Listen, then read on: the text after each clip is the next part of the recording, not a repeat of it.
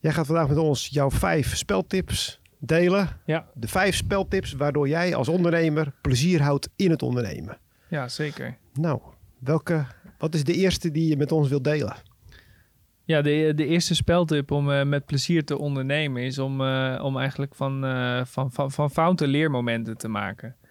Um, ja, dus ik zie dat je als iemand een fout maakt, dan ja, daar kun je niks meer aan doen. Dat is al gebeurd. Uh, en ik denk dan dat is het moment om met elkaar te leren.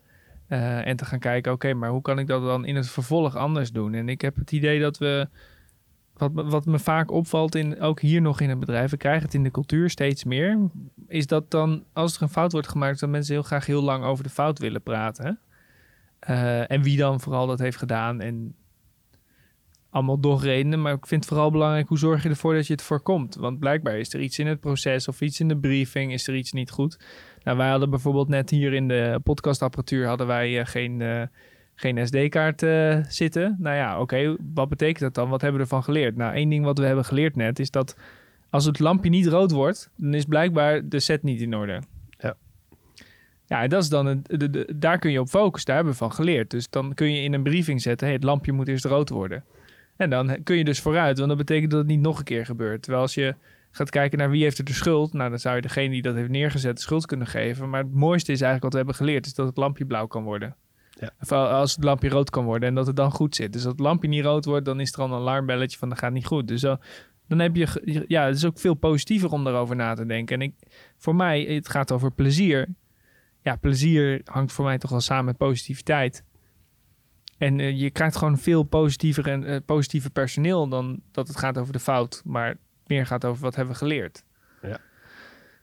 En uh, nou, gisteren post ik toevallig op LinkedIn van als een CEO inspirerend is of, of motiverend is of visie heeft, draagt het dan voor jou bij aan je koopproces? Het merendeel van de mensen zegt dat draagt bij aan het koopproces.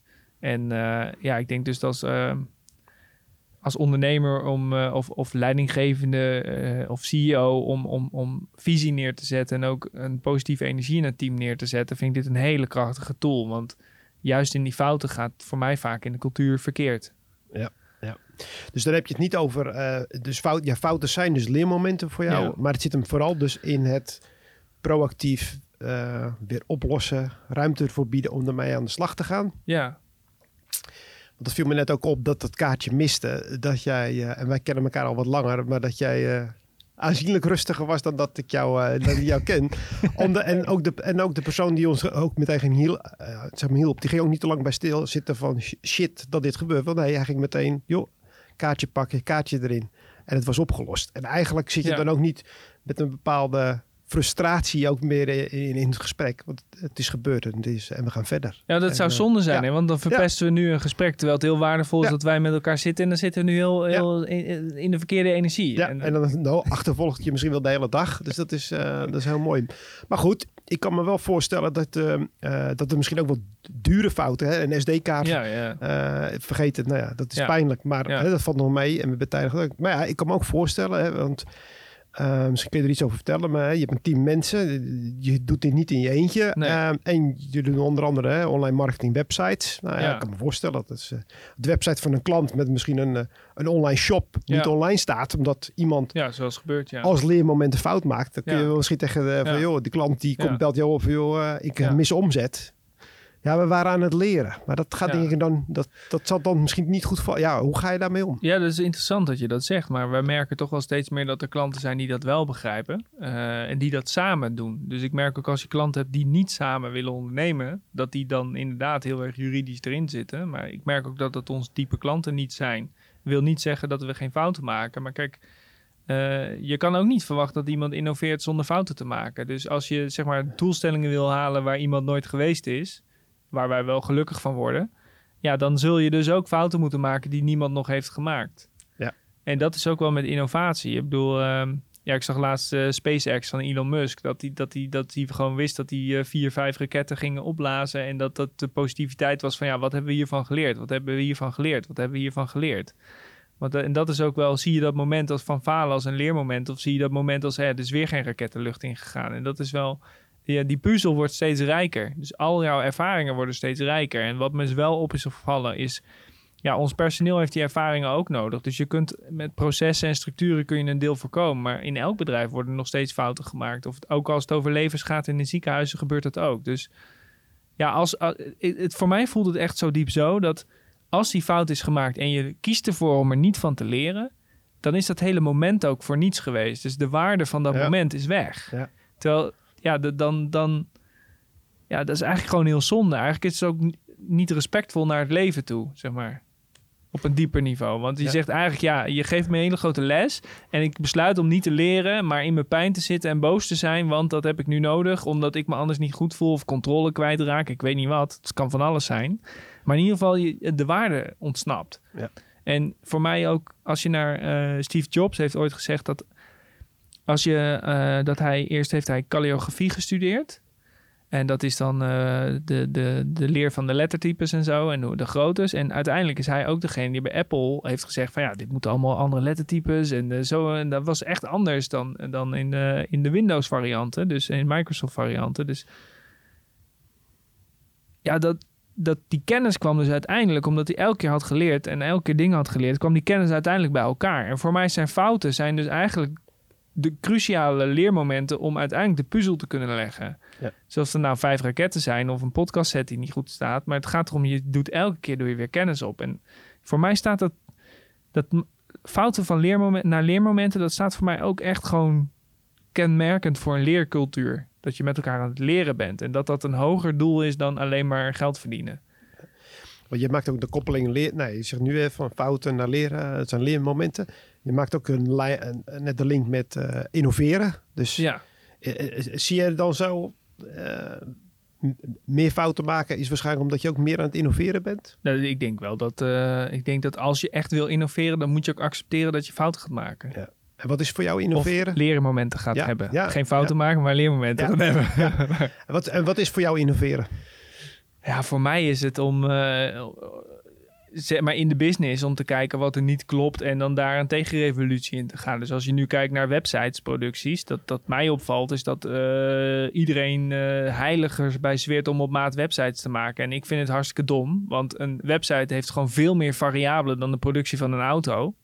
Hè, de, de, de kleuren, alles. Het is zo, zeg maar, als een auto duizend opties heeft, dan heeft een website honderdduizend opties. Of misschien wel multiple. Dus een website is eigenlijk super ingewikkeld als je het vergelijkt met een auto.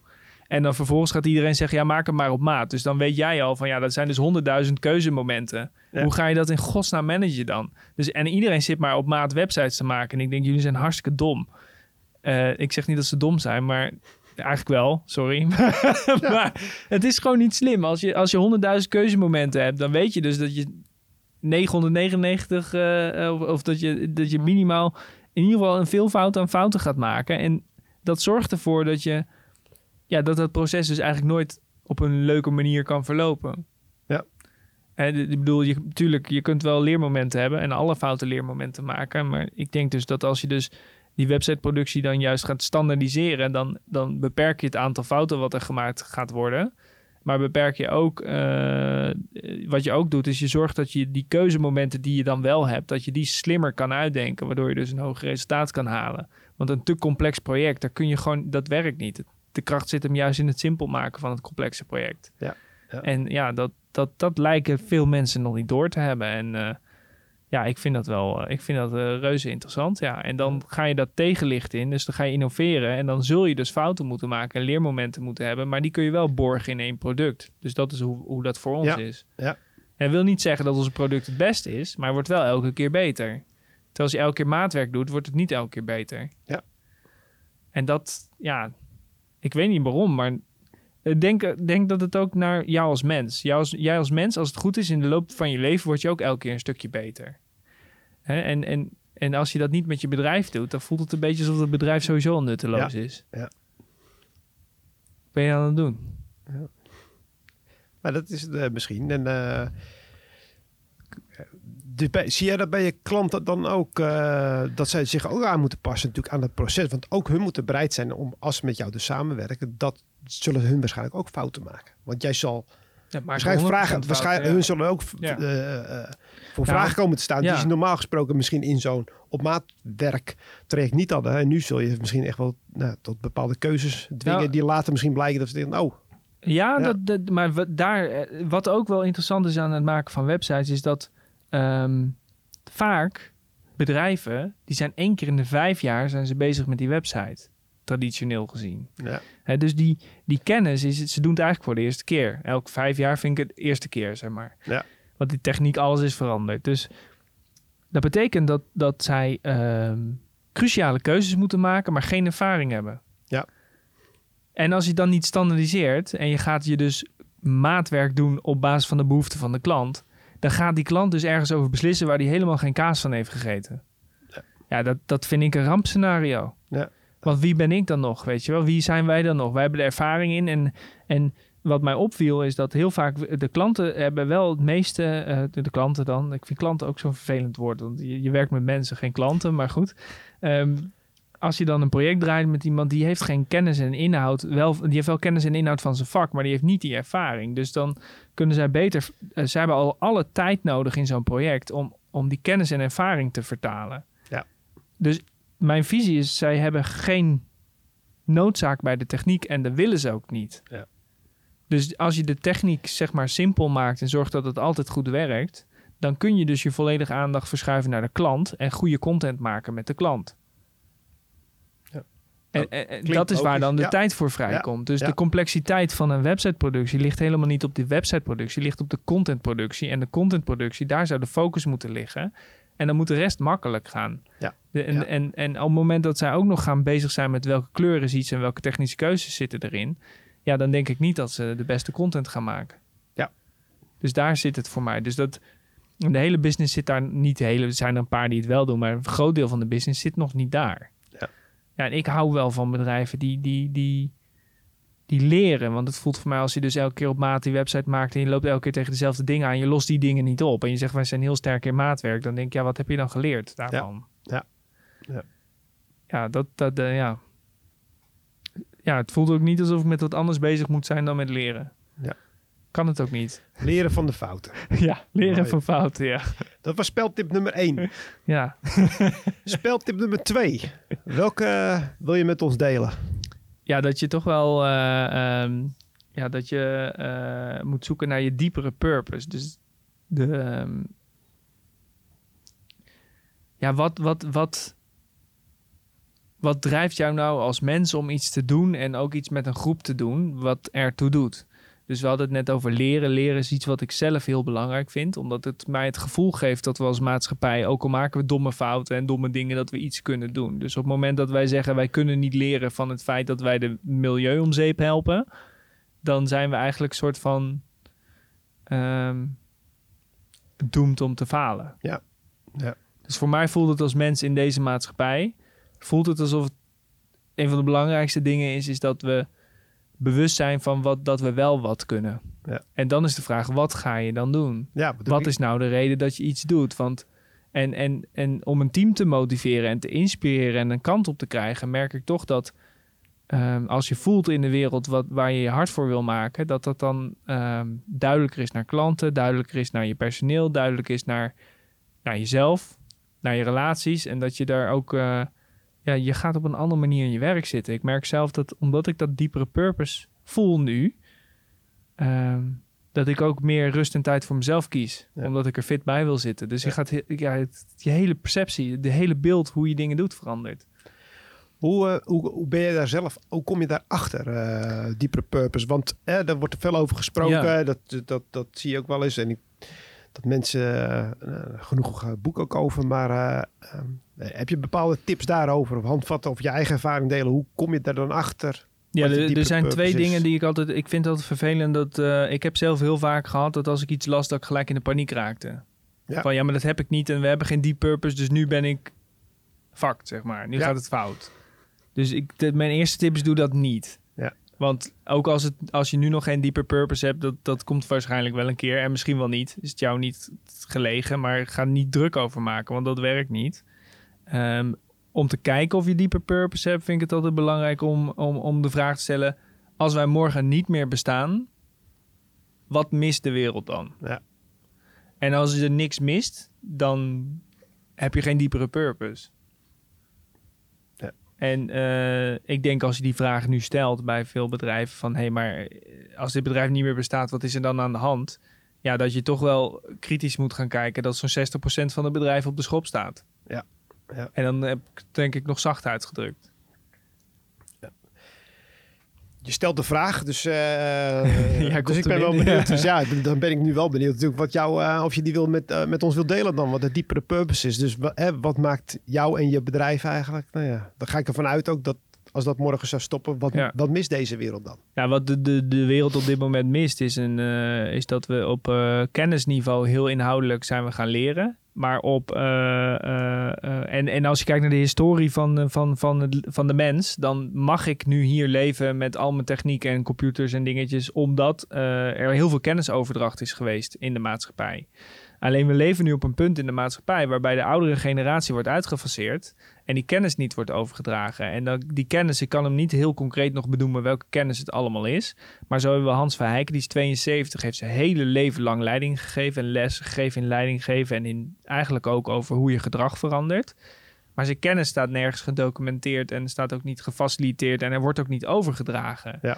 En dan vind ik het interessant dat mensen wel op scholen zitten waar ze les krijgen van iemand van 25 die zegt dat hij gedragswetenschapper is.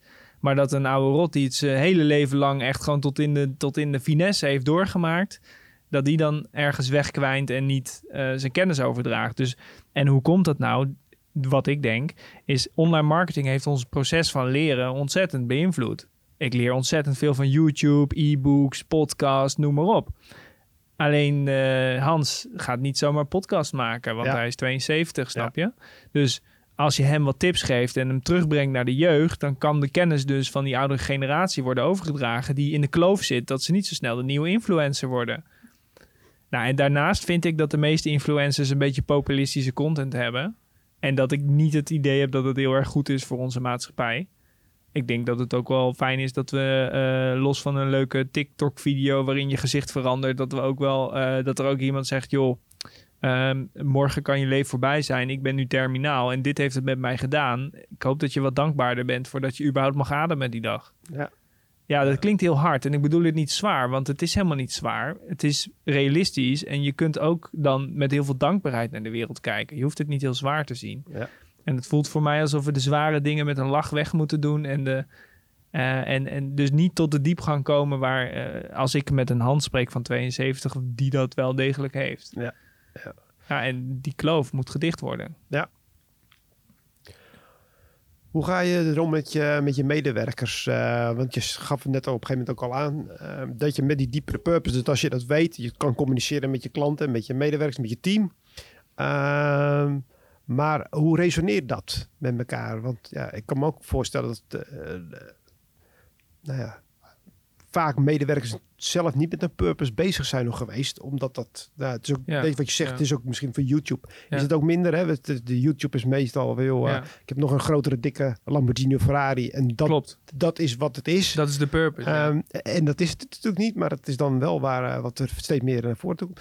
En dan kom jij met iets van, nou, dat is het eigenlijk niet, die wereld. Hè, de Enzo Knols van deze wereld. De wereld is iets anders in elkaar. Ehm, hoe zorg je dat? Ja, hoe reson ik ben echt heel benieuwd hoe dat dan zou kunnen resoneren. Eh, je, je bedoelt hoe zij daar dan met die purpose, dat ze denken, oh, maar dat zie ik wel, dat snap ik Ja, wel. of jij komt met jouw purpose. Ja. joh, ik ben Ja. met, dit, met dit bedrijf willen we willen Nou ja, dit gaan realiseren. Ik denk dat het heel simpel is. Kijk, je hoeft niet mee op pad te gaan. Dus als ik kies, ik kies. Ja. Eh, vroeger heb ik heel erg gevoeld, ja, ik moet de groep laten kiezen en de groep moeten laten kiezen en de groep moeten laten kiezen. En toen dacht ik, nee, ik ben gewoon ondernemer. Ik wil dat doen. En dit is waar ik me, me goed bij voel. En dit is wat ik zie. En ik wil dat pad op.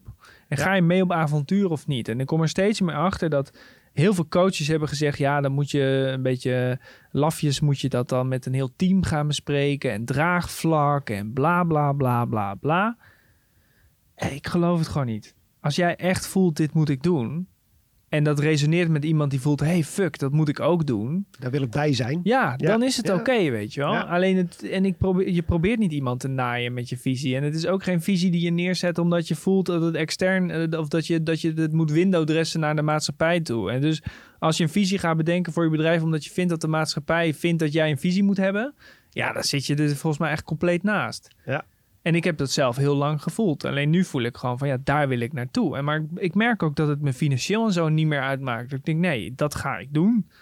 En als ik daarvoor door failliet raak, ja, dat is dan wat het is. Ja. Maar misschien, het is ook achteraf makkelijker gezegd, omdat toen we die keuze steeds meer zijn gaan maken, dan, dan beginnen ook soort, soort van ja, dingen logisch te worden achteraf. En begint het steeds makkelijker te gaan. Maar ik heb daar ook acht jaar lang over moeten doen. En acht jaar lang weet ik al wel in marketingboeken dat het belangrijk is om je diepere purpose te gaan leven. En dan zie je Simon Sinek voorbij komen en noem maar op. En dan denk ik, ja, dat lukt. Maar jouw vraag antwoord te geven, want ik geef iets omslachtig antwoord. Maar het gaat om, als dus die purpose voelt en mensen snappen het niet, dan is het niet jouw personeel mee te Ja. werken. Ja. Ja, en dan weet je dat je er iets mee moet. Ja. En, en of je legt het ze uit en ze begrijpen het uiteindelijk wel. Of ze zullen het nooit begrijpen, maar dan zullen ze ergens anders wel op aanhaken. Maar dan is dat hun pad meer dan bij jou. Ja. Ja. En dat geeft ook bevrijding op hoe je met personeel omgaat. Want ik heb hiervoor altijd gehad als een medewerker wegging... dat ik me eh, boos voelde, verdrietig voelde... en dacht ik word afgewezen. Zo diep ging het. Dat ik Ja. dacht, ja, dit gaat helemaal fout. En eh, oh, straks loopt iedereen weg en bla bla bla. En nu denk ik gewoon, ja, dan, dan wil iemand dus dit pad niet met mij bewandelen. Ja. Ja. Ook goed. Waarschijnlijk wel. Ja. Ja, Want voor hem want- ook. ja, want er is uiteindelijk, eh, dus dat is mijn persoonlijke overtuiging. Het is voor iedereen een plek op, op, de, in, op Ja, deze wereld. ja. En, eh, en dat is soms ook met, eh, nou ja, met mensen ontslaan, wat dan ook een consequentie kan zijn. Of met elkaar afspreken, joh, we gaan uit elkaar. Ehm, maar ja, ik geloof erin dat er altijd voor, uiteindelijk voor iemand altijd een plek is waar hij, zich, hij of zij zich thuis voelt. Eh, Ja, en ik heb laatst een gesprek met iemand gehad die zei, ja, echt gewoon verdriet ook gewoon. Van ja, ik, ik, ja, ik wil eigenlijk ondernemen en eh, ja, ik vind het fantastisch dit, maar ik, ik moet nu voor mezelf eh, dit doen. Dus ik zit aan het eigenlijk nou mooi, hoe, hoe doen we dat? Ja. Ja, ja, ik wil het hier netjes achterlaten. Ik zei, hoe gaan we dat doen? Dus ik zei, nou, ik blijf een half jaar werken. Ja. Nou. Nou, hoeveel mensen heb je nou die, die Ja. weg willen en een half jaar overdracht doen? Ja. En dan ook nog echt ervoor gaan. Ja, ja, ik vind dat dat gesprek, dat komt omdat je niet, zeg maar, probeert... Omdat hij weet wat de purpose is. Hij heeft respect voor het purpose. Hij Ja. weet het, hij snapt het. Hij voelt alleen dat het niet zijn pad is. Nou ja, dat is toch oké? Ja. Nou, als jij mij helpt, ik help jou. Gaan we netjes, gaan we verder. En dan hoop ik je nog tegen te komen. Ik heb gezegd, nou, daarna huren we je nog in voor die delen. Dat kan. Nou, en dan, dus je gaat ook meer denken in de win-win, denk ik. Als je alleen in die purpose denkt. En niet denkt in, eh ja, managen van persoonlijke afwijzingen. Of van, van, van, komen mensen wel op tijd of wat dan ook. Dat is ook belangrijk, maar vanuit de purpose. Ja. Er zit een reden achter. Anders dan is het, ja, je moet op tijd komen. Ja, waarom dan? Ja, dat vind ik, want ik ben bang. Dat is het. Ik ben bang dat ik anders de controle verlies. Dat is wat het is. Ja. Dus ja, purpose Mooi. zorgt ook dat je in controle raakt eigenlijk. Mooi. Dus, we hebben net geleerd, speltip 2, hè, vind je purpose. Hè? Dus Ja. dat je, als je bedrijf eh, ophoudt te bestaan, wat betekent dat nou voor de wereld? Hè? En de eerste die je met ons hebt gedeeld is dus van je fouten leren. Dat Ja. zijn allemaal leermomenten. Dankjewel. Ehm speltip nummer 3. Welke heb je op je lijstje staan? Ja, feedback mag eh, en kan altijd en overal. Nou, overal. Ik ben heel benieuwd hoe je dat dan, eh wat dat noem je heel expliciet. Dus wat, wat is dan overal? Wat, eh, waarom benoem je dat zo? Eh, ja, nou, dat, ik denk dat het voor mij, als je, het, als je me de oorsprong vraagt, dan komt het toch wel voor mezelf een beetje gevoel uit de yin-yang van de Chinese energie, van het kwaad en het goed en tegenover elkaar. Maar het punt is dat eh, als, als iemand eh, iets zegt wat niet klopt en jij accepteert dat als mens en je zegt daar niks van, dan ben je mede verantwoordelijk van dat dat gebeurt. Ja. En dus, dus Hans Verheiken die zegt, je communiceert altijd. Dus op het moment dat je besluit om iemand te negeren, eh, communiceer je al. Ja, Dus Ja, er zijn veel ondernemers en managers die niet weten op dat moment wat ze moeten doen. Volgens mij is het beter om je hand op te steken en te zeggen: Ik weet even niet wat ik moet doen, want dan communiceer je. Maar als je niet communiceert, dan denken mensen hetzelfde. Die Ja. denken ook: Die weet niet wat hij moet doen. Dus, dat, eh, dat, dus daar komt het denk ik wel vandaan dat je de, de, de, de tegenenergie bent van, om mensen na te denken. En plus, en wat, wat mij opvalt, is mensen willen hun gedrag niet veranderen en niet expres. De intentie is er wel, maar eh, het lichaam en de geest zelf zegt: Nee, doe maar morgen weer hetzelfde drink morgen maar weer. Om, als je als eerste op kantoor komt, pak maar gelijk dat kopje koffie. En, en dat gedrag is zo sterk dat wij hebben hier beneden, als je aankomt lopen, zit er een restaurant. En ik loop altijd tussen de bankjes door. Op een dag waren ze die bankjes aan het schilderen en die bankjes lagen dus plat. En toen ben ik dus in plaats van om de bankjes heen, ben ik over die bankjes heen gaan lopen, omdat ik dezelfde route wilde lopen. En toen besefte ik wel bij mezelf dat ik dacht, shit, mijn gedrag is zo diep ingeworteld en Ja. ik wil zo graag die route blijven lopen, dat het kost me zoveel moeite om erheen te lopen. Nou, en als iemand op dat moment tegen mij zegt, hey Niek, je loopt nu al elke dag dit pad en nu doe je echt je best om er weer overheen te lopen, dan helpt hij mij om op dat moment te denken, oh, fuck, ik ben weer het gedrag aan het doen wat ik altijd aan het doen ben. Ja. Oké. En ik denk dus dat als je iemand elke dag feedback geeft op de momenten dat het gebeurt, en dat hij dan bewust kan worden van, oh ja, shit, dit is het dus. Ja. Ik ben dus elke keer onbewust dit aan het kiezen. Ah, nu kan ik mijn gedrag veranderen. En dan morgen doet hij het weer en dan zeg je, hé, hey, we hadden toch afgesproken dat je dat niet zou doen. En dan kan iemand veranderen. Maar ik denk de traditionele manier is, je, je gaat met iemand zitten, je schrijft een rapport en je zegt, we spreken af dat je dat verandert. Nou, succes. Ja. En er verandert niks. Maar daar kan je, kan je die persoon niet de schuld van geven. En voor mij heeft dat te maken met de manier waarop we met feedback omgaan. En, en ik vind ook dat moet twee kanten op. Dus dat altijd en overal zegt dat ja, ik mag iedereen feedback geven. En ja, iedereen mag mij ook feedback geven. En dat vind ik belangrijk. Dus vanochtend in de Scrum heeft iemand mij ook eh, feedback gegeven dat eh, ik had mijn weeknummer niet veranderd van mijn planning. Dus ik plan zelf ook en dan een planning en dan stond een weeknummer. En dat had ik niet veranderd. Dus zij heb je weeknummer niet veranderd. Ik zeg, potverdik me, je hebt gelijk. Ja, ik heb weeknummer niet veranderd. Ja. Nee, ik ga dat doen. En daarmee houdt hij mij ook scherp. Ja, ja. Want ik moet ook in mijn gedrag gecoacht worden. Want wie gaat mij dan anders in mijn gedrag coachen? De klant? Mijn coach? Dan moet ik dus een coach inarmen. Maar ik heb hier, ik heb hier 25 coaches lopen. Waarom Ja, zou ik dan... ja. Hoe, eh, eh, hoe gaan de mensen daar onderling eh, er zo mee om? Want ik kan me voorstellen dat jij dan, hè, jij neemt daar het voortouw in. Doen ze dat ook bij je, als je afwezig bent? Merk je dan ook dat dat wel doorgaat? Eh, dus, hè? Ja, dit, dit, is echt, we moesten echt groeien. Maar dat heeft wel twee jaar geduurd voordat dit een beetje bekleef. Dat, die- dat mensen, dat mensen eh, het gevoel hadden van, oh ja, dat kan en dat werkt. En ik voel me er ook prettig bij. Ja, het- Maar ik denk dat er ook wel een aantal zijn, hard zijn weggelopen. want twee jaar klinkt wel als een hele lange periode. Ja, nou, dat, Dus, dat, dat- de- dat klopt. En, en, waarom, wa- en waardoor? Ja, wat was de reden dat het zo lang duurt? Of heb je daar, een- als je erop terugkijkt, dat je denkt van nou, dat had misschien het proces versneld? Of is het gewoon Ja, de tijd? Wij hebben reorganisatie gedaan en zijn met heel veel punten tegelijkertijd aan de slag gegaan. Ehm, ik denk dat je niet te veel in één keer kan veranderen. Ja. Dus dat valt me ook wel op. Dat als je op één punt focust, dan duurt het iemand wel echt één gedrag. Als je één gedrag wil aanleren, dan zeggen ze ook wel dat het gemiddeld 40 dagen duurt om één gedragsverandering toe te passen. Ja. Dus ja, als zo'n gedrag is een eh, eh, feedback overal, er zitten heel veel gedragingen onder. Ja, dan ben je, ben je best wel een periode met elkaar onderweg. Ja. De snelle manier zou zijn is om mensen meer te selecteren op dat gedrag. Maar wij hebben ervoor gekozen om het huidige personeel wat er toen was, te gaan Ja. kijken wie krijgen we allemaal zover om daar te komen. Nou ja, dat is logisch. Dat klinkt logisch. Want ja, met, tezamen met het vorige punt, hè, met je purpose. Als je nou de mensen aan boord hebt voor jouw purpose, ja, dan is dit een onderdeel van dat traject. Want ja, je hebt wel bewust voor die purpose gekozen. Dus dat klinkt ook logisch dat je dan eh Ja, dus dat- ook met hun doet, ja. de- deze Ja, route. en dan ga je met hun ook kijken wie gaat er mee, weet je wel. En dat zijn, sommigen zijn niet meegegaan. En dat is ook goed. Bij het woord feedback heb ik daar een, toch een negatieve klank bij. Ja, ik denk Omdat het wel, heel vaak als Ja, kritiek, weet je wel. Dus ehm, daar zit denk ik ook, nou ja, de switch in, bij iedereen in zijn hoofd denk ik in. Want, je, want jij, zoals je het uitlegt, het is Ja. geen kritiek. Het is eigenlijk meer gewoon van, joh, let er gewoon op. Eh, Ja. Dit gaat jou helpen, eigenlijk, Ja. als je er gewoon, ja, als je het omarmt en er wat mee gaat doen. Ja, maar ik denk ook dat dat een eh, dat dat is dus de spirituele benadering ook van een mens. Want als iemand zeg maar als iemand tegen jou schreeuwt en die zegt ja je bent een eikel want je staat in mijn weg, dan kun je boos worden op het feit dat hij schreeuwt en dan ben je helemaal niet meer bezig met luisteren. Maar je kunt ook gewoon even luisteren. Ja, ja. En dat niet persoonlijk nemen en denken oh die is boos. Ja.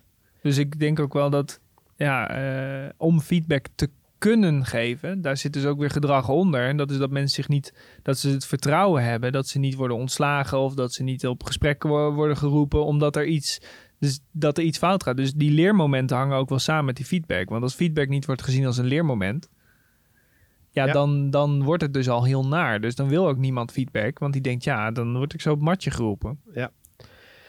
Zeg je, als, je, eh, als je dit zo aangeeft, ehm, is dan eh, mijn conclusie juist dat je door, door dit zo aan te vliegen met elkaar, dat je misschien ook een, een grotere uh, hoe moet ik zeggen, veiligheid geeft voor die medewerkers. Precies wat je net zegt, dat, je, hè, dat als je feedback geeft, dat je zelfs jouw feedback geeft, dat het niet betekent dat jij uh, als, als baas Ja. in de traditionele manier, Ja, daar ben ik niet van gediend. eh, Nee, en ik denk dat dat komt is- op de ja. zwarte lijst, zeg maar. ja precies. Dat heeft echt wel twee jaar geduurd. Ja, ja, ja. En dat is ook niet te makkelijke, want in heel veel bedrijven is het wel zo. Ja.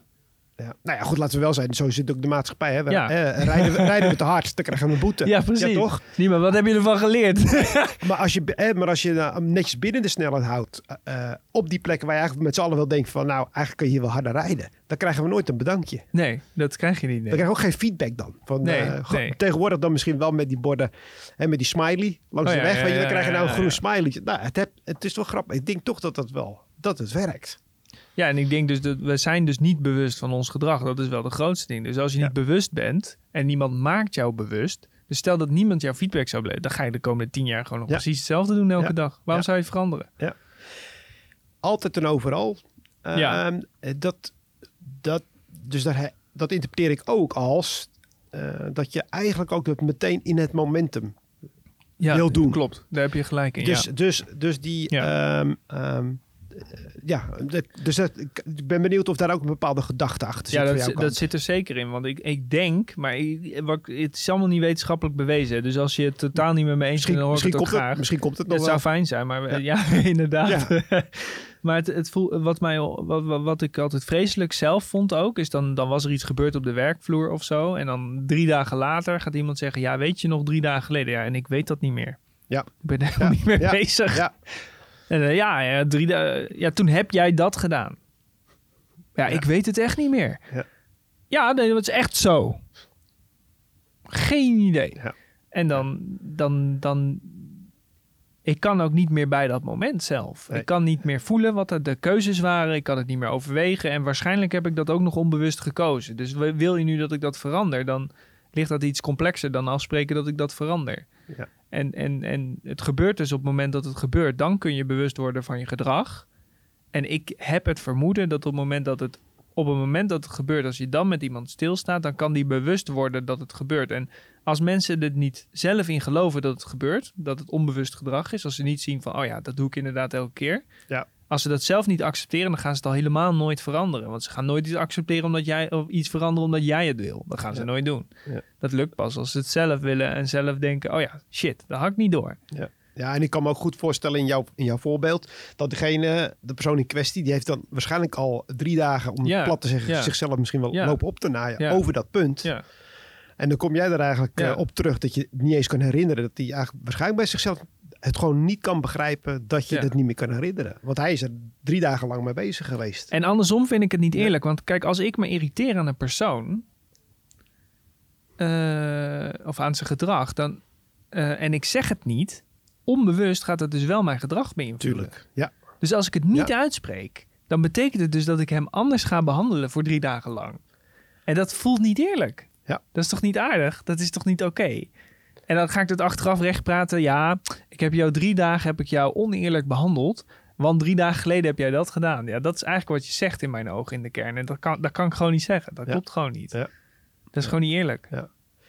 Ik, ken je, eh, ik denk ook, en, eh, ja, ik denk dat mensen zich ook niet realiseren, als je het ook zo zegt, hoeveel ehm, energie dat van mensen ook zal vergen. Weet je wel, gedurende zo'n periode. Eh, Ik denk dat je wel, eh, waarschijnlijk ook niet wetenschappelijk onderbouwd, maar ik kan me goed voorstellen dat het hun werk inzet Ja. toch beïnvloedt. Je gaat er toch, je zit er toch even minder vol overgave in. Het houdt je bezig en noem maar op. Dus ik, eh, dus in het kader van, weet je, wel, van, eh, van, van, van, van lol in je werk, maar ook productiviteit, kan ik me goed voorstellen dat als je het op blijft hopen. eh, ik ben gewend om evaluatiemomenten met elkaar in te, te, te ruimen, maar dat je dat wekelijks of twee wekelijks. Maar dat hoopt dan toch zich in zo'n periode op. En, ach- en als je me dat nu zo zegt, denk ik, ja, dat is een mooi leerpunt om mee te nemen. Dat je eigenlijk gaat zeggen van, ja, evaluatie zou continu moeten Ja, de gebeuren. pus eruit. Ja, Voordat het Ja. eh, ophoopt, Ja. zeg maar. ja, dat het is, eh, ja, dat is een mooi. Het is, eh, het is niet zo'n lekker, eh, Nee. niet zo'n geze- gezellig voorbeeld om over na te denken. Maar eh, ja, het is natuurlijk wel wat we allemaal kunnen herkennen. Dus eh, Ja, als je voelt dat er een conflict is met iemand, dan voelt die ander het meestal ook. Natuurlijk. Ja. en dat, en dat, dat- is ook het ding. Het Dat is wel wetenschappelijk onderbouwd. Oh, ja. ja, ja, dat, dat is dat is wel. Ja, ja, dat is. eh, nee, dat is. eh, hè, dus de, onze neuronen in onze hersenen. eh, zoals wij nu met elkaar praten, die praten. eh, letterlijk met elkaar. En die hebben ook allemaal een positieve en negatieve energie zijn die geladen. Hè. Daar zijn we niet van bewust van. Maar die kunnen ons eigenlijk al lezen. Dat, daarom is ons gedrag wat we ook hebben al uitgestippeld voordat we het gaan doen. Dus, eh, ja, Mooi. dus, dus daar komt ook het, het beeld dat vandaan als je in een ruimte komt. Dat je eigenlijk al meteen weet van joh, nou dit, dat deze persoon. Ja. dit is, oh, dit is een vriend of het is geen eh, vriend. Zeg maar eh, ja, dus dat is interessant. Mooi. Feedback mag geven, mogen we geven altijd. Ehm, een vierde speltip om met plezier te blijven ondernemen. Ik ben benieuwd. Ja, je, ehm, werk zo snel mogelijk naar een concept toe. Dus een, eh, eh, een concept wat je toetst eigenlijk met anderen. En eh, dat is eruit voortgekomen dat ik toch vind dat, en dat heeft ook te maken met feedback, is dat mensen vaak eh, dingen eerst complex willen maken in plaats van eerst eenvoudig willen maken. En ook ehm, daar eerst uren en uren en uren en uren over willen hebben nagedacht en onderbouwd hebben. voordat ze dat concept gaan bespreken. En ik, ik heb toch het vermoeden dat zeg maar, hoe je iets gaat doen, dat heb je eigenlijk in een paar seconden heb je dat bepaald. Ja. En daarna ga je alleen maar eh, uitleggen waarom je daarvoor gekozen hebt. Ehm, dat vond ik altijd zo grappig op school. Als ik een rapport moest schrijven, dan wist ik eigenlijk al wat er in het rapport kwam. En dan ging je daarna bedenken hoe je het ging uitleggen, zodat je vanuit school een voldoende kreeg. En Ja. dan was je dus tien seconden bezig met bedenken wat er in het rapport stond. En dan was je twintig uur bezig om uit te schrijven wat er dan in het rapport moet staan. Ja. En, maar ik, zo werk ik en zo voelt het voor mij. En ik, ik zie dat het bij anderen ook zo werkt. Want ze weten van tevoren al wat ze gaan doen. En als je dan op dat moment een conceptje maakt. Ja, een concept definieert, definieert zich doordat het nog niet af is. Dan is het ook wat makkelijker om feedback op te krijgen. Want dan zeg je, ja, ik heb er toch maar eh, 10 seconden over gedaan. Ja. brand het maar af. Ja. Maar als iemand zes dagen lang heeft lopen ploeteren om te onderbouwen waarom zijn concept goed is. Ja. En hij krijgt dan de feedback, is hij boos. Want hij heeft zes dagen van zijn leven heeft hij, eh, verpest. En onderbouwen, als je het zo uitlegt, eh, of uitleggen, eh, wat je daarvoor zei. ehm, het klinkt bijna als dat je dan eigenlijk eh, aan het verdedigen bent. Het lijkt bijna wel Ja, of je een aanval wil afslaan. Ja, en dat- dan ben je eigenlijk een hele verdedigingslinie aan, het op, aan het opbouwen. Terwijl ik denk dat, dat je kunt elk idee kun je compleet afkraken. Alles. Ja. Maakt niet uit eh, wat het is. Volgens mij Einstein was het. Hij had toen eh, filosofie bedacht. Toen had hij die opgestuurd naar eh, drie vrienden van hem. En die moesten dan die filosofie net zo lang afkraken. En die mocht alleen maar afkraken totdat hij geen enkel standpunt meer had. Op een gegeven moment was die filosofie uiteindelijk hebben ze het toch gepubliceerd. Maar iedereen bleef het continu afkraken. Omdat er altijd wel wat af te kraken was. Dus altijd het tegengeluid. Ja, en, en de, de, de concept maakt er, eh, zeg maar, we weten dat als men, meerdere mensen in één idee geloven, van tevoren al, dan gaan ze waarschijnlijk in de feedback gaan ze het ook wat eerder accepteren. Dus Ja. ik denk ook dat heel vaak dat we helemaal niet echt kritisch kunnen beoordelen, maar dat we vooral aan het kijken zijn, eh, hoe voel ik me erbij, ben ik erbij betrokken geweest? Dus zo'n concept zorgt ervoor dat mensen betrokken zijn. Ze hebben wat te zeggen erover, dus de kans is al heel veel groter dat ze daarmee akkoord gaan. En wat ik zeg, dat eerste 10 seconden plan wat je in je hoofd hebt, van zo wil ik het doen, die toets je al gelijk. Ja. En als, daar zit je al verkeerd. In het doel, wat ben ik nou aan het doen? Als je dat niet goed snapt, en je bent dus 60 uur bezig met het verkeerde doel, en je komt dan na 60 uur erachter dat je eigenlijk het verkeerde doel aan de voorkant hebt gekozen, met waarom je iets doet en wat je dan wil bereiken, ja, dan is het heel zonde van de tijd. Aan de andere kant, ik, eh, ik- als je me dit zo zegt, dan zou ik het gevoel krijgen wel. ik heb het idee dan eigenlijk dat, je, dat het heel vertragend werkt. Want een concept maken en dan weer feedback krijgen en dan kan je dan weer ermee door. En eh, het, voelt, het voelt een beetje aan als polderen. En dat is nou niet over het algemeen heel snel. Mooie consensus misschien met elkaar, maar het is niet snel. Dus Oh, hoe- ik vind het heel snel. Ja, want het concept is snel. Ja, hoe Eh, ga je ermee om? Want ik kan me dan voorstellen dat... Nou, eh, nou, kijk, als ja, je, dat heeft- normaal ja. gesproken zou je misschien een, een uitgewerkt iets doen met een week. Ja. Weet je wel? En ik heb nu in mijn hoofd, als je me zo vertelt, nou, nu komt er over een week een concept. En dan gaan we nog eens een week. Eh, nee, want het concept is echt in 10 minuten al. Ah, Het is echt snel concept. Het is niet Oh. concept, we gaan een week lang aan een concept werken. Nee, Nee, het is echt oké. wel 10 minuten concept, spreken, door. En eh, het is ook je initiële idee op papier zetten. Het is goed dat je het zegt. Ik zal het concept nog aanscherpen voor mezelf ook. Want het is echt snel, snel, snel. Ja, Het is niet, eh, laten we zes dagen gaan nadenken over wat het concept zou worden. dus je bent dat, dus daarna goed, nou, je zei het al, je hebt die feedbackmomenten, dus die zijn ook veelvuldig dan natuurlijk ook in zo'n in zo'n traject dus je, eh, aanwezig. Ja. Ja. ja. en als iemand niet een, een goed concept kan pitchen, een concept zorgt er ook voor dat je een soort van vraag en wederhoor. Dus dat, Ja. het is, als jij een opdracht uitzet en iemand moet eerst een concept maken, dan moet hij daarna gaan vertellen of hij jou wel goed begrepen heeft. Ja. En Ja. ik denk eh, toch in communicatie, wat er meestal is, is dat er niet geluisterd wordt naar de ander. En dat er dus in het product niet zit wat die ander heeft gezegd. En dat hij daarop eigenlijk dan eh, feedback gaat geven. Dus zo'n concept test ook of iemand goed geluisterd heeft. En dat weet je al in 10 seconden. Ja. Weet je, je weet al of iemand goed geluisterd heeft. En dan kun je wel zeggen, ja, iedereen moet goed na gaan vragen of hij goed geluisterd heeft. Waar ik achter kom in management, maar dat is hoe ik het interessant vind om te doen. als je dus cultuur maakt van we werken altijd met concepten, dan gaat het er automatisch voor zorgen dat mensen dus vraag en wederhoor eh, toepassen. Alleen op het Ja. moment dat ik tegen iedereen zeg, jullie moeten vraag en wederhoor toepassen, dan gebeurt het niet. Maar als ik zeg, we gaan met z'n allen een concept maken en dan concept wordt opgeleverd en vanuit het concept werken we verder, dan gaat iedereen het doen. Ja. En dat is wel, ja, zijn coaching in het werk en feedback in het werk. Dit heeft te maken met dat die, die eh, ideeën van concepten, die komen dan in de cultuur en in het werk. En Ja. die worden dus in het werk al toegepast. En dat zorgt er automatisch voor dat je over het gedrag stapt dat mensen eigenlijk elkaar geen feedback willen geven. Ja. Dus het is een soort hack in de cultuur. Zo zou je het kunnen noemen. Hoe, ehm, hoe ga je daarmee op, eh, eh, op de dag zelf, laat ik maar zo zeggen? Kijk, ehm, want ik zit er meer vanuit te denken vanuit de time management gedachte. Hè? Efficiënt werken. Mensen hebben een specifieke taak, niet storen. Dan gaan ze het even afmaken. En ik krijg nu een beetje dan... eh, ontstaat het idee van dat ze continu misschien wel gestoord worden. Van nou, ik heb een conceptje. Kun je even feedback geven? En die haalt dan de andere weer uit. Hoe ga je, daar, hoe ga je daarmee om? Nou, zijn er spelregels voor? Of? Nee, zijn nu eigenlijk helemaal, het is helemaal organisch op dit moment. En het is ook zo dat de meeste mensen werken zeg maar aan één project de hele dag. Of misschien drie projecten, maar dan heb je drie conceptmomentjes. Dus ja, dat, dat is op Ja, zich wel te overzien. in en misschien ook een, een wel binnen het team die ja, je, werkt. kan ook, het is, het, je hoeft ook niet het hele team het concept te laten zien. Maar het is dat je even je buurman een concept of even je concept Ja. pitcht. Het is niet zo eh, zwaar nog. Nee, nee. En nu, benoem- nu benoem je concepten vanuit de gedachte van... joh, jullie zijn, nou ja, eh, eh, je heb je eraan gegeven, jullie ontwikkelen onder andere dus websites. Eh, dus dat is het team intern. Naar extern, dus richting de klanten. Hoe merken die dat je... Werk je daar ook met concepten? Ja, ja, en eh, zeker in sales. Want eh, eigenlijk heeft het voor mij heeft het woord concept te maken met vraag en wederhoor. En wat mij opvalt is sales wordt vaak geïnterpreteerd als wie is het beste in opschrijven wat ik wil. Ja. En als Ja. je dan precies opschrijft wat de klant wil en, het sta, en, dan, en je mist iets, dan ja, je hebt me niet begrepen, doei. Ja. En wat ik zie is als je een conceptofferte maakt eh, en je gaat dan samen die offerte invullen en je vraagt, joh, wat moet erin staan om te zorgen dat jij akkoord gaat, dan krijg je de echte, dan pas begint het echte gesprek van vraag en wederhoor. Want heel eerlijk, ja, ik ben gewoon niet zo goed in precies te luisteren wat die klant zegt. Ik kan wel precies om goed in te luisteren waar die klant naartoe wil. Daar ben ik heel sterk in en strategisch hoe die dat moet doen.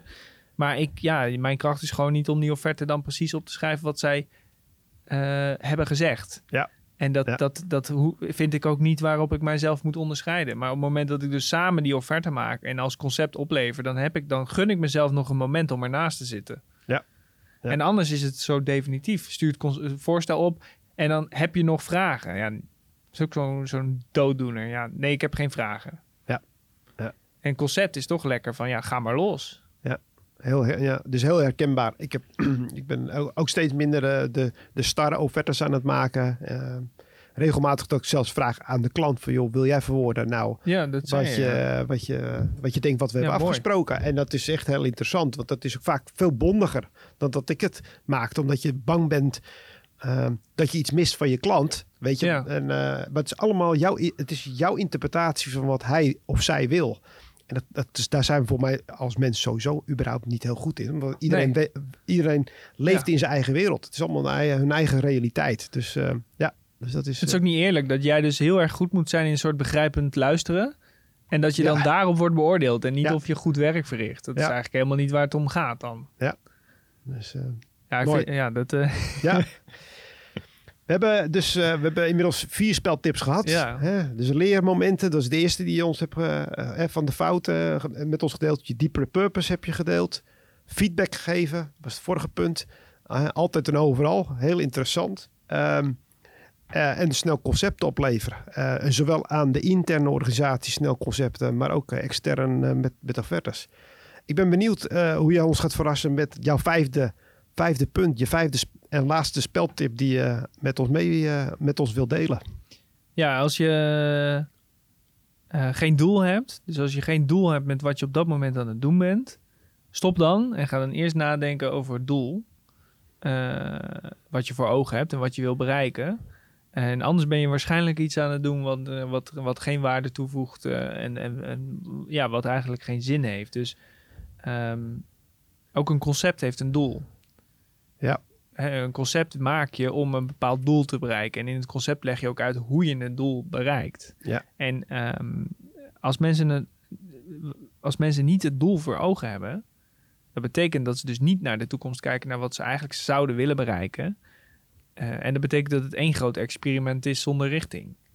Eh, dus, dus, dus het hebben van een doel vooraf en, en wat je wil bereiken en dat scherp voor de geest houden, dat zorgt er gewoon voor dat mensen veel efficiënter en effectiever zijn en ook het werk leuker is en ook accountable zijn. Hè, want het, is me gewoon te veel gebeurd dat ik naar iemand toe kwam en zei van... hé, maar hoe zit het in elkaar? Wat hoop je te bereiken? Ja, ik heb geen idee wat ik hoop te bereiken. Oké, welke keuze heb je dan gedaan? Ja, ik heb die en die keuze gemaakt. En waarom heb je die keuze gemaakt? Ja, omdat Jantje dat ook al deed. Ja. Ja, dat, dat, ik kan, ik ontplof dan, weet je. Dat, Ja. dat vind ik dan zo'n leermomentje die ik dan niet trek. Maar omdat er geen doel is. Ja. Dus je verwacht ook dat mensen, als ze aan het werk zijn, dat dat ook vanuit een eigen doel gebeurt. is dat dan wat je zegt? Ja, kan een klein doel zijn. Als Ja, ja. En een doel mag heel klein zijn. Hè. Wij, wij starten elke scrum ook met een doel. Eh, en, en een doel voor die dag. En, nou, en het doel van die dag kan ook zijn... eh, ik had gisteren had ik... eh, ja, ik wil gewoon vandaag even genieten. Ja. Gewoon genieten van mijn werk, weet je wel. Want ik heb al een tijd heb ik hard gewerkt en zo. En nu wil ik gewoon even genieten. Dat is ook een doel. Ja. Heb je ook een doel voor ogen. Dan krijg je een andere dag dan wanneer je denkt... eh, mijn doel vandaag is om heel zagrijnig te zijn. Ja, dus, de- dus, voor jou, niemand. dus voor jou is het doelen, eh, zoals het eh, in sommige managementboeken dan zo staat, het moet smart Ja. zijn. Zo zie jij dat niet helemaal. Hè? Het is, nee, het is, ik denk ook dat het is meer een energetisch doel. Ik denk, even, en het, ik wil het niet te zweverig maken, maar uit, zeg maar, energieën van mensen hebben richting. Dus jij, jij staat op, Ja. je gaat zitten, je komt hier op kantoor, je zit achter de computer en jou, jij voelt al wat voor dag dat wordt. Ja. Nou, dan kan je dat voor jezelf houden. Prima. Maar je kan ook zeggen, mijn doel voor vandaag is om alleen de werkzaamheden te doen die ik wil doen, zodat ik even kan landtevanteren, want dat is wat ik nodig heb vandaag. Ja. En dan weet ik als manager of leidinggevende, weet ik, ah, dat is er aan de hand. Prima. Nou, fijn. Eh, kan ik nog wat voor je doen? Moet je eerder naar huis, weet je? Maar dan het gesprek ontstaat. Ja. Omdat er over het doel is nagedacht. Ja. Dus de richting van die persoon die dag is al, is al duidelijk. Er was zelfs iemand laatst die zei eh, eh, in, de, in, de, in de ochtendplanning, zei mijn doel vandaag is om het überhaupt te overleven. En toen zei een collega, zei, nou als je met die mindset gaat beginnen, moet je dan wel werken vandaag. Weet je wel, kan je dan niet beter morgen Ja. komen? Ja. En dat is, dus het gesprek ontstaat over de mentale staat waarop jij op dat moment zit. En wat je waarschijnlijk op jezelf gaat afroepen die dag. Het is wel mooi dat voorbeeld dan, eh, dat mensen dan eh, schijnbaar zo open met elkaar ook durven te communiceren. Ja, ik weet niet hoe open ze zijn, want ze kunnen ook allemaal dogredenen verzinnen. Ja, maar het maar- voelt alsof... Ja, ik denk dat in een gemiddeld gesprek dat eh, bij de koffietafel in de ochtend of bij het koffiezetapparaat dit, dit niet op tafel komt bij heel veel bedrijven en bij heel veel ondernemers. Dus dat is toch wel, ja. En het is leuk toch, als je weet wat iemand zijn doel is die Ja. dag, dan, dan, dan ja, je voelt gelijk hoe iemand erin zit. En eh, ja, dat, ja je hebt, je, je, het is echt een makkelijke check hoor. Het is echt, nee, eh, ik denk dat je ook daar, eh, dat je ook, ook dat het ook helpt ehm, in de onderlinge relaties wat voor mensen van die, voor, voor die dag van elkaar kunnen verwachten. Ik deel toch even een voorbeeld. Ik had dat, vorige week kwam dat ter sprake bij een van, van mijn opdrachten. Uh, het vertelde de eigenaar van, eh, eh, dat hij merkte gedurende de dag dat iemand heel gehaast was. En hij had er een paar keer op gevraagd en kreeg geen antwoord. Eh, bleef een beetje in de midden hangen. En hij dacht, er is wat aan de hand. En op een gegeven moment was het eh, van, ja, ik kan me thuis beter concentreren, dus ik ga thuis verder werken. En het, eigenaar vertelde, het, het zat hem nog steeds niet lekker. Hij vond het een beetje vreemd allemaal, want hij ging halverwege de dag ging weg. Totdat hij dan telefonisch contact had om vijf uur. En toen bleek het dat hij eerder moest stoppen, omdat zijn vrouw s'avonds moest werken. En ze hadden een, een probleem met de kinderopvang. Maar schijnbaar Ja. wilde hij er dan Ja. even niet delen. Terwijl als je het nu Ja. zo zegt, weet je wel. En het was eigenlijk zijn idee ook, weet je. Van, ja, en hij had zelf het idee van, nou, in onze cultuur kan dat gewoon gezegd worden. Maar toch niet helemaal. En Nee. dus nou, en ik, eh, ik neem dit punt naar hem mee. Om ook aan te geven, joh, begin de dag. En vraag ook gewoon aan mensen. Misschien wel eens, nou, hoe ziet jouw avond eruit? Want eh, dat, eh, laten we wel zijn. We werken met z'n allen. Eh, eh, ook om gewoon tijd voor onszelf te hebben. En dat is helemaal niet gek om er misschien eh, ook gedurende de dag eens af en toe rekening mee te houden. Ja, dat brengt me wel tot eigenlijk de zesde speltip die we niet hebben voorbereid en die ik ook niet heb bedacht, maar die ik nu wel begrijp. Ah. En eh, dat is dat ehm, maak eigenlijk rituelen in het bedrijf die helpen aan de cultuur en om jouw eh, speltips te integreren. Want ehm, het hebben van een regel lost niks op. Het, het is leuk dat er een regel is of een speltip is, alleen het gaat erom dat je echt gaat spelen en dat spelen doe je in het moment. En een ritueel kan ervoor zorgen dat mensen bewuste momenten hebben om stil te staan. Dus we hebben die, die doelbespreking in de ochtend. Wat ga je doen vandaag? Wat is je doel vandaag? Maar dat is een ritueel. En rituelen die, die, die, die inspireren eigenlijk het onbewuste. Dus als iemand niet rituelen heeft de hele dag, dan doet hij morgen wat hij gisteren deed. Ja. Maar maak je als ondernemer rituelen, of als team, hè, want het team kan ook met rituelen komen. Die rituelen bepalen eigenlijk de cultuur en niet Ja. de cultuur. Ja. En de rituelen die beïnvloeden de cultuur. Dus die rituelen die jij maakt als ondernemer of leidinggevende, ja, die zijn heel belangrijk. En voor mij komt dat dus voort uit, eh, als je dan kijkt naar ehm, eh, oude tradities en zo, er zitten heel veel rituelen in. Dus wij hebben hiervoor over een zweethut gehad, maar er zitten ontzettend veel rituelen in een zweethut in de, in de Indiaanse filosofie of eh, in de, ehm, vanuit de Indianen de filosofie om hoe je met een zweethut omgaat. Maar Ja. al die rituelen zorgen wel voor dat een zweethut een cultuur is die blijft bestaan en inhoud heeft. En als jouw bedrijf dus geen rituelen heeft, dan heeft het eigenlijk bijna geen cultuur. Ja. Ja. En ja, En rituelen, dat denk ik ook aan, eh, aan een, ook nog een, denk ik, vind ik altijd een belangrijk punt dat eh, ehm, ook goed is om een bepaalde rit, eh, ritueel Ja, ritme. ritme. Ja, en, en, ri- en ritme, dat geeft toch weer ook gewoon houvast, ook voor iedereen, weet je, Ja. in een organisatie. en, en als ondernemer kan dat soms een beetje star overkomen, weet je, wel, rituele ritmes en noem maar op. Maar het helpt gewoon om, om toch stappen voorwaarts te blijven maken op, op regelmatige punten. Ehm, ik wil toch nog even terug naar speeltip 5. Ehm, want ik, ik, ik heb toch nog een vraag die me bezighoudt. Is wat is voor jou het verschil tussen eh, je purpose en je en doelen? Want je zegt heel duidelijk, weet je, wat doelen is toekomst. En, het, en, het, en ik, ik wil het niet voor jou gaan invullen. Dus ik, eh, ik ben Nee, benieuwd hoe je ja, daar tegenaan kijkt. Want het, voor mij eh, klinkt dat wel Purpose hetzelfde. gaat meer over de reden wat je, wat je eigenlijk op lange, lange termijn, waar al de hele kapstok aan vasthangt. Van dat Ja. is waarvoor ik leef. Ja. En dat is meer, zeg maar, je leeft niet om je doel te halen. Ja. Dat is wel, snap je? Dat is, Ja, als je Ja. leeft om je doel te halen ja, en met elk doel wat je opstelt, het lijkt me wel een heftig, eh, heftig leven. Ik, ik zou dat niet trekken, maar dat is voor mij. En je diepere purpose is eigenlijk meer van, van wat wil ik in de wereld veranderen en wat, wat eh, is er nodig? En als wij niet bestaan, waarvoor, eh, als we, wat missen we dan? Ja. Maar als dat doel niet wordt gehaald, is het niet zo dat de purpose niet wordt behaald. Ja. Maar de, Ja. de doelen die dienen uiteindelijk wel om purpose te behalen. Maar er zijn ook doelen dat je iets voor een klant moet doen die eigenlijk niks met purpose te maken hebben. Dus die hangen eigenlijk los van de purpose. Ja, de purpose zou je als een heel als een hoger doel kunnen omschrijven. Maar dat klinkt natuurlijk ook wel een beetje vaag. Dus als ik het heel plat sla, is een purpose is gewoon wie ben je als je niet meer bestaat. Daar zit je purpose. Ja. En een doel is gewoon iets wat je op korte termijn wil bereiken en hoe je en, en, en ja, wat je, waar je heen wil. Ja. Dus dat is eigenlijk je toekomstvisie, je Ja. doel. Ja. Ja. En dat is eigenlijk gewoon een stukje visie van daar wil ik naartoe. Ja. En de purpose is niet per se dat je daar naartoe wil. Je vindt het belangrijk dat je die kant op beweegt. Je Ja. weet nog niet hoe ver je daar naartoe komt. Ja. wil niet zeggen dat je niet vastberaden kan zijn om daar te komen. Maar ik denk ook, meestal heb je, ik heb wel een purpose van, oké, we willen die, die kloof verkleinen, maar de middelen en hoe je dat doet, ik heb nog geen idee. Ja. Ik heb wel een Ja. idee on, inmiddels, maar toen ik begon had ik geen idee. Heb je nog een, eh, een doel vanuit jezelf? Dat je zegt van, nou, daar, ben ik nu, daar werk ik nu aan die je met ons eh wil delen? Nou ja, het enige ja, wat ik wel een interessante vind, is dat ehm, het omarmen van crisissen. Ja, Dus ik heb vrij recent een soort relatiecrisis eh, gehad en ik merkte toch dat ik daar heel veel van heb geleerd. ja, Dus dat ook die leermomenten in de meest zure momenten. En ik heb dit altijd al gevoeld, eh, Patrick. Eh, want ik heb ooit ook een vriend gehad die kwam toen. Ik was eerst best wel een kwaad jongen, zeg maar. Niet kwaad, ik was altijd wel lief, maar ik was gewoon niet echt. Lief, ja, liefde is niet het woord. Ik was gewoon niet aanwezig in de klas. En, want ik was wel heel lief. Ik wilde iedereen helpen, maar ik was niet in de klas. En op een gegeven moment toen uh, overleed een vriend van mij. die kwam voor de trein.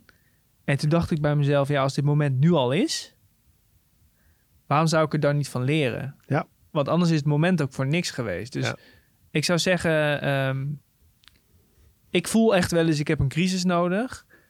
Uh, en, en ik denk ook dat je er zo, uh, ja, dat we dus de crisissen als kansen gaan zien. En ik denk als je nu denkt de komende tijd, ik, ik heb het vermoeden dat als je kijkt naar wat er uh, geopolitiek gebeurt en financieel gebeurt, dat er crisissen gaan komen. Ja. Slash zijn. Ja. Nou ja, laten we dan kijken wat we ervan kunnen leren in plaats van in de angst zitten. Want als we in de angst gaan zitten met z'n allen, dan, ja, dan wordt het niet heel veel gezelliger op. Ja. En er, er zijn ook Kijk, het kan zijn dat we andere dingen moeten eten. Het kan zijn dat we andere grondstoffen moeten gebruiken. Van alles kan. Alleen op het moment dat we daar dus in zitten met een leermoment. Van hé, wat hebben we geleerd? Oh, we eten geen rijst meer, maar sojabonen. Ik heb geen idee. Dan hebben we ervan geleerd en dan is het allemaal oké. Nou, maar overleven we het allemaal en dan, dan, lachen we er misschien wel om. Ja. Maar op het moment dat we daar dus in gaan zitten vanuit angst, dan, uh, dan, uh, dan is het allemaal voor niks geweest. Ja. Dan heeft die crisis niks gebracht. Dus laten we nou alsjeblieft de crisis gaan gebruiken dit punt, volgens mij is dit een mooi punt om. Uh, want deze sluit weer aan met het eerste speltip waar, uh, waar we mee zijn begonnen. Waarin je deelde over, joh, de, de, uh, de fouten zijn leermomenten. Ik heb daar ook weer in geleerd. speltip 2, de, die, je diepere purpose. Hè? Dus als ondernemers, weet je wel, sta erbij stil. Weet je, als je onderneming stopt. Joh, wat betekent dat nou voor deze wereld? Ja. Hè? En probeer daar een stuk aan, aan in bij te dragen. De feedback mag altijd mag je die geven. Hè? Dus uh, uh, dat geldt dus ook voor de luisteraars, denk ik. Hè? Dus als zij ja, na het zeker, luisteren van absoluut, deze ja, podcast denken van... nou Nico, graag. ik ben het helemaal niet met je eens. Dan, uh, hè, dan kunnen ze gewoon jou benaderen.